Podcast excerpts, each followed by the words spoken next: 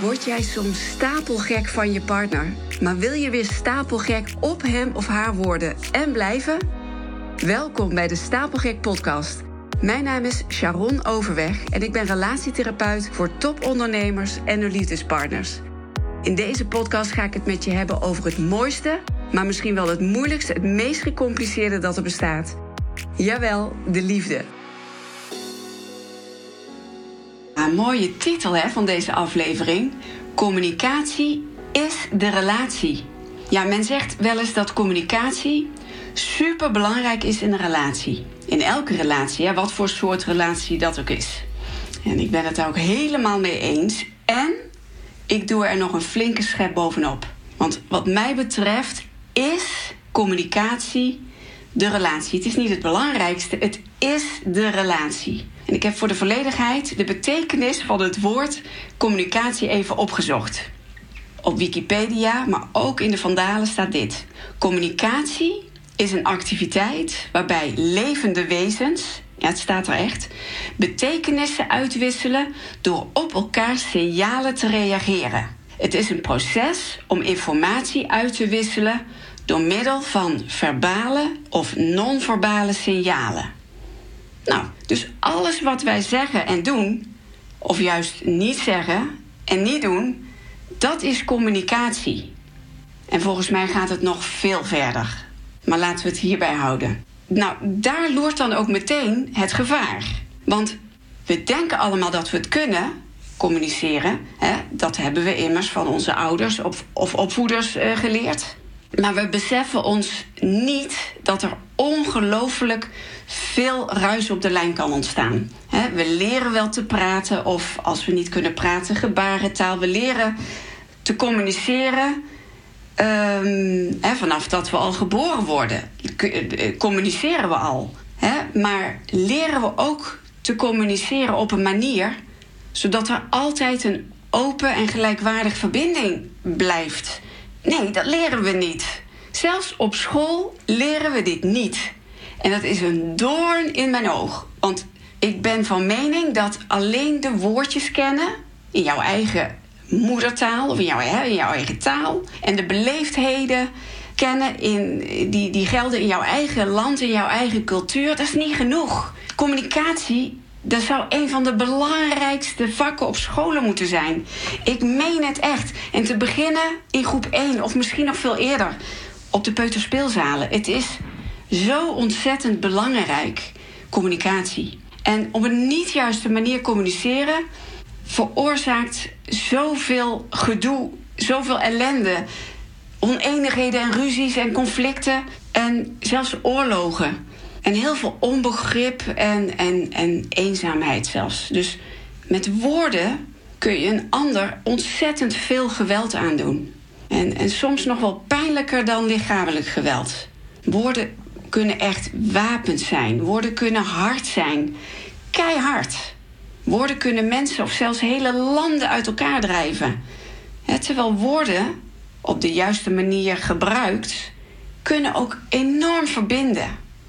Woorden kunnen verzachten. Woorden kunnen verduidelijken. met woorden kun je gewoon bruggen bouwen. Met communicatie kun je bruggen bouwen. In deze aflevering wil ik het met je hebben over mijn favoriete communicatietechniek. En die heet De geweldloze communicatie van Marshall Rosenberg. En het is een boek, dus mocht je het interessant vinden, ga dat lezen.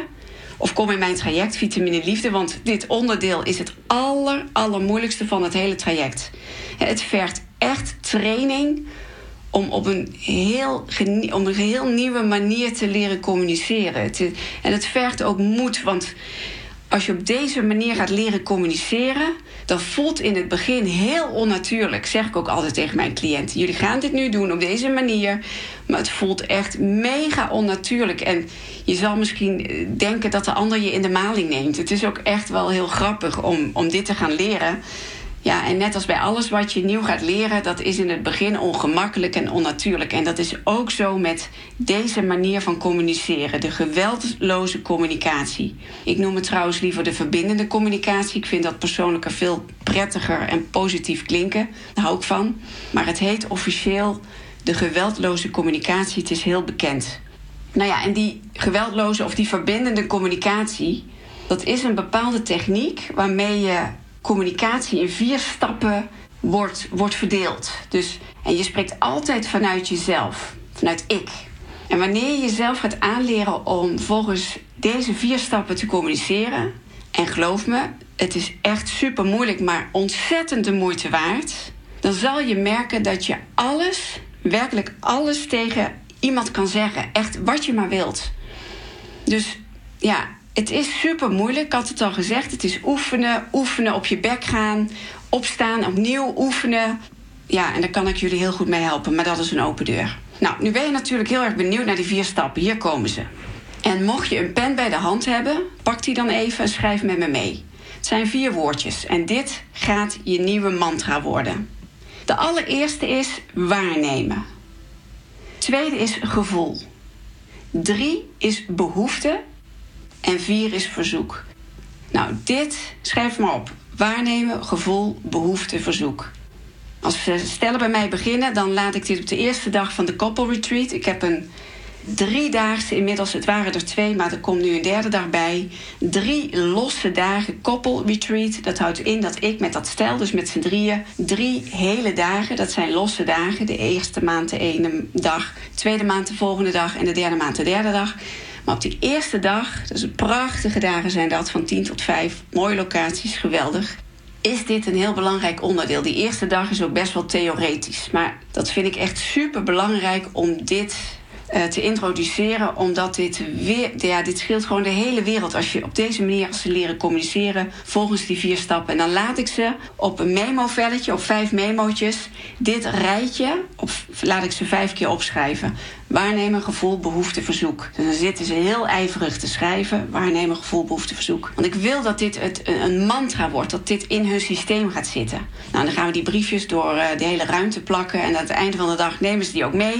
Ik zeg, ik wil dat je ze overal ophangt. In je koelkast, naast je bed, in de spiegel op de badkamer. Overal. Waarnemen, gevoel, behoefte, verzoek. Want dit is trainen, trainen, oefenen, oefenen, oefenen. En misschien is het allerbelangrijkste wel in de techniek van de verbindende communicatie dat je leert om je eigen gevoelens en behoeften te leren voelen. En heel veel mensen kunnen dat niet. Als je heel erg in je hoofd zit, zoals ik, ik ben iemand die heel veel in het hoofd zit, dan is het heel moeilijk om te voelen.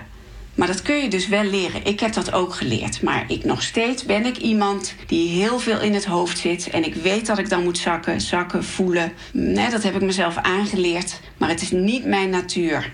Ik, ik geloof ook dat het is zoals je bent gebakken. Je hebt mensen die kunnen heel erg goed voelen. En je hebt mensen die zitten heel veel in het hoofd. Die analyseren van alles en denken heel veel. Nou, dat ben ik ook. En veel van mijn cliënten zijn dat ook. Dus heel grappig. Je trekt aan wat bij je past.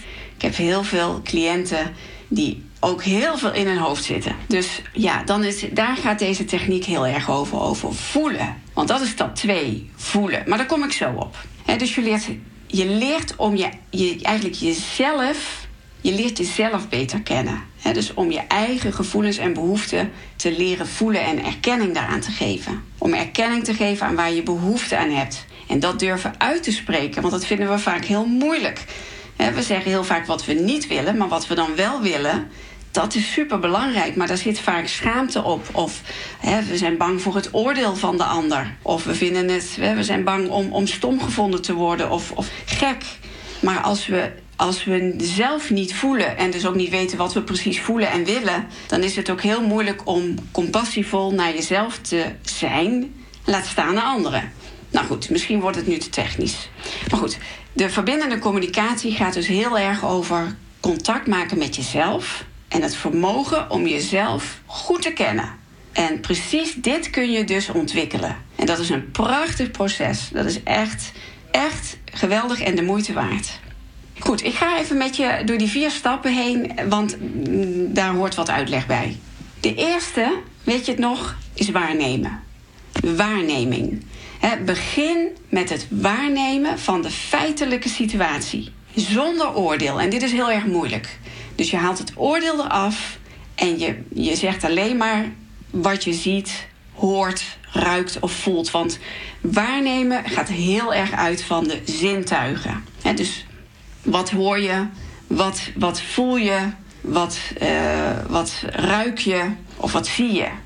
dus wat zegt of doet de ander? Wat zie je of wat hoor je? Daarbij is het essentieel dat je duidelijk onder woorden brengt wat je waarneemt zonder te oordelen. Dus het oordeel gaat eraf en je veroordeelt ook niet. Dus je verwoordt uitsluitend dat wat de ander doet. Of je dat nu als positief of negatief ervaart.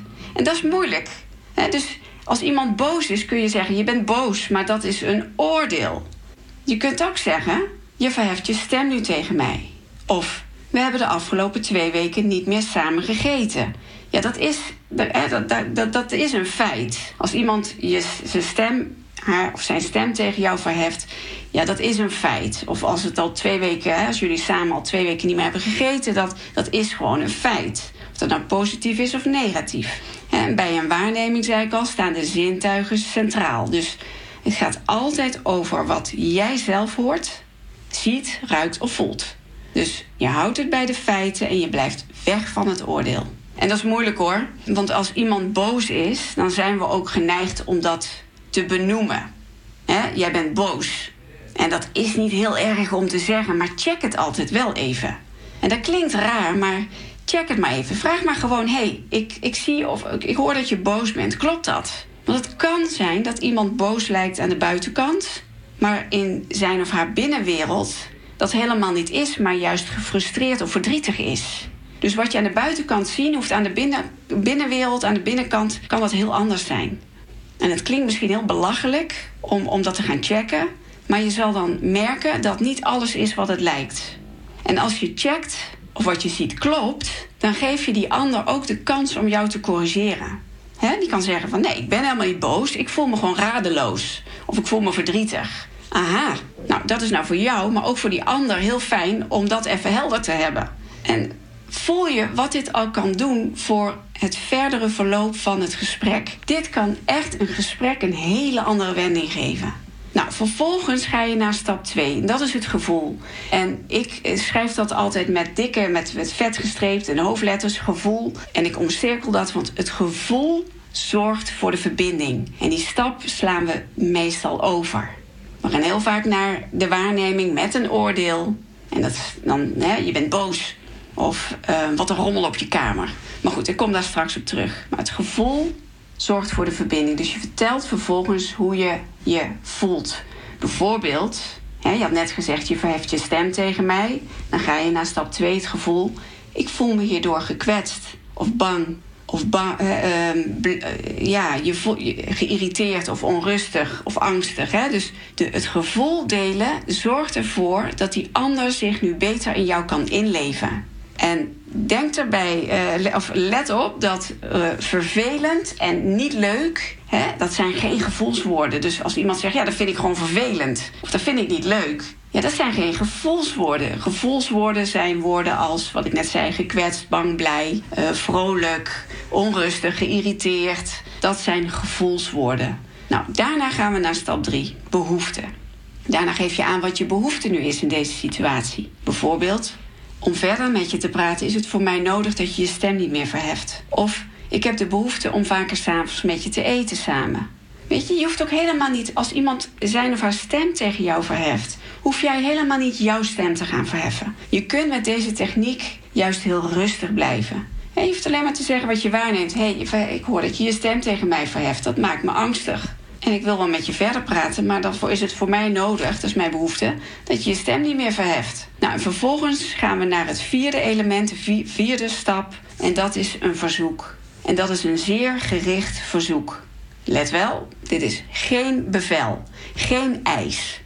Dus die ander die mag ja of nee antwoorden op jouw verzoek. Ja, nogmaals, dit is moeilijk hoor, want als je hoog in de emotie zit, dit is echt moeilijk, maar het is het zo ontzettend waard. Dus even een voorbeeld, even over die, hè, je verheft je stem tegen mij, dat voelt me angstig. Ik, dat, ik voel me nu, eh, dat maakt me angstig. Ik wil wel met je verder praten als jij uh, je stem niet meer verheft. En dan zou je een verzoek kunnen doen van, hè, zou je vanaf nu rustig met me willen praten? Of zullen we even een kwartier een time-out nemen en kunnen we daarna verder praten? Dat is een verzoek. Die ander kan zeggen ja of nee. Hè? Of kun je ervoor zorgen dat je voortaan twee keer per week eerder thuis bent, zodat we gezellig samen kunnen eten met het gezin. dus op die manier geef je, blijft het een open, gelijkwaardige communicatie. we verbinden ons met elkaar door allereerst af te stemmen op wat je waarneemt, wat je voelt en wat je nodig hebt, om vervolgens door de vierde stap te uiten wat je op dat moment graag zou willen. En dat is een verzoek. En nogmaals, dat is geen eis. Wat we meestal doen is, we gaan naar stap 1, waarneming met een oordeel. En we slaan stap 2 en 3 over en we gaan bam naar stap 4 en dat is een eis. Bijvoorbeeld, uh, nou laat ik even mijn kinderen als voorbeeld nemen. Ik heb twee jongens van 18 en 20. Ja, en ik, ik kan niet anders zeggen, het zijn gewoon sloddervossen. Hè? Hun kamers, dat, dat lijken wel, uh, dat is wel verschrikkelijk, ontploft ik vind daar wat van. Kan ik die kamer binnenstormen en zeggen: wat een teringbende. Sorry voor mijn, uh, voor mijn woordgebruik, maar wat een teringbende. Opruimen nu. Nou ja, dan begin ik al met een waarneming met een oordeel. Ik vind het een teringbende. En ik sla stap 2, 3 volledig over en ik ga naar een bevel. Opruimen nu, een eis. Nou, denk maar niet dat ze dan gaan opruimen. Ja, ja soms als ik, uh, als ik heel boos ben, dan, dan misschien wel. Maar ja, het, het, het werkt niet echt. Maar als ik nou zou zeggen: hé, hey, ik zie daar vijf truien op de grond liggen. Ik kan je bureau niet meer zien, want het ligt vol met boeken, sigaretten en troep. Oh ja, troep is dan weer een oordeel. Kijk, dus je gaat heel snel de fout. Ik zie daar uh, vijf boeken liggen, uh, sigaretten, pennen, um, je dekbed op de grond. Ik word daar onrustig van. Weet je, dan ga ik naar stap 2. Bij de eerste ben ik bij de feiten gebleven en dan ga ik naar stap 2, het gevoel. Ik word daar onrustig van. Je weet, ik hou van een opgeruimd huis. Dat is mijn behoefte, stap 3. Zou je het alsjeblieft voor vanavond op willen ruimen? Nou ja, de kans dat ze gaan opruimen vergroot ik hiermee met 50%. Dat durf ik wel te zeggen. En dan kan je zeggen, ja, maar ja, soms moeten kinderen ook luisteren. Ben ik het helemaal mee eens. Ben ik het helemaal mee eens. Maar voel je het verschil? Op het moment dat ik zeg van, hé, hey, ik word hier onrustig van... je weet, ik hou van een opgeruimd huis... dan dan, dan doet dat toch iets meer met ze dan dat ik alleen maar zeg wat een teringbende opruimen nu. Kun je je voorstellen? Ik zeg niet dat het altijd werkt, maar het werkt echt wel beter als dat ik ga beginnen met een oordeel en met een eis. Dus dit is echt de moeite om, om hiermee te gaan oefenen. En nogmaals, koop het boek Geweldloze Communicatie of kom bij mij in Vitamine Liefde.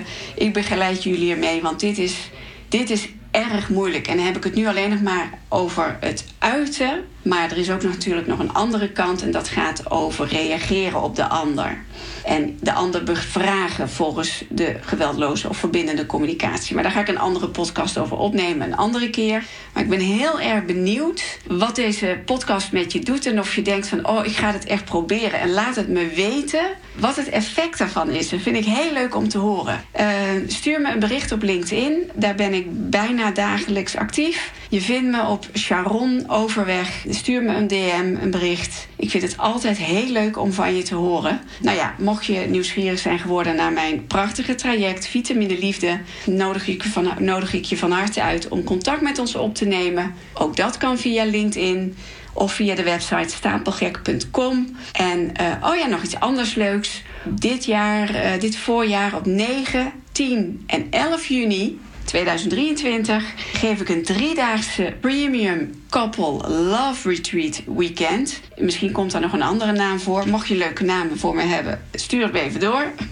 maar dan ga ik met zes ondernemende stellen die al een hele fijne relatie hebben en het super tof vinden om hun relatie nog meer te verdiepen en te versterken. Een prachtige locatie, super luxe, nabij Eindhoven, echt te gek. Ga ik een heel mooi weekend hebben en ik heb maar plek voor zes stellen. Dus mocht je interesse hebben, mocht je meer willen weten, stuur me een bericht. Uh, of vul even je contactgegevens in via de website stapelgek.com. Ik ga je hier binnenkort alles over vertellen. Ik ga je er ook heel veel over delen. Het gaat echt een waanzinnig mooi, luxe love weekend worden.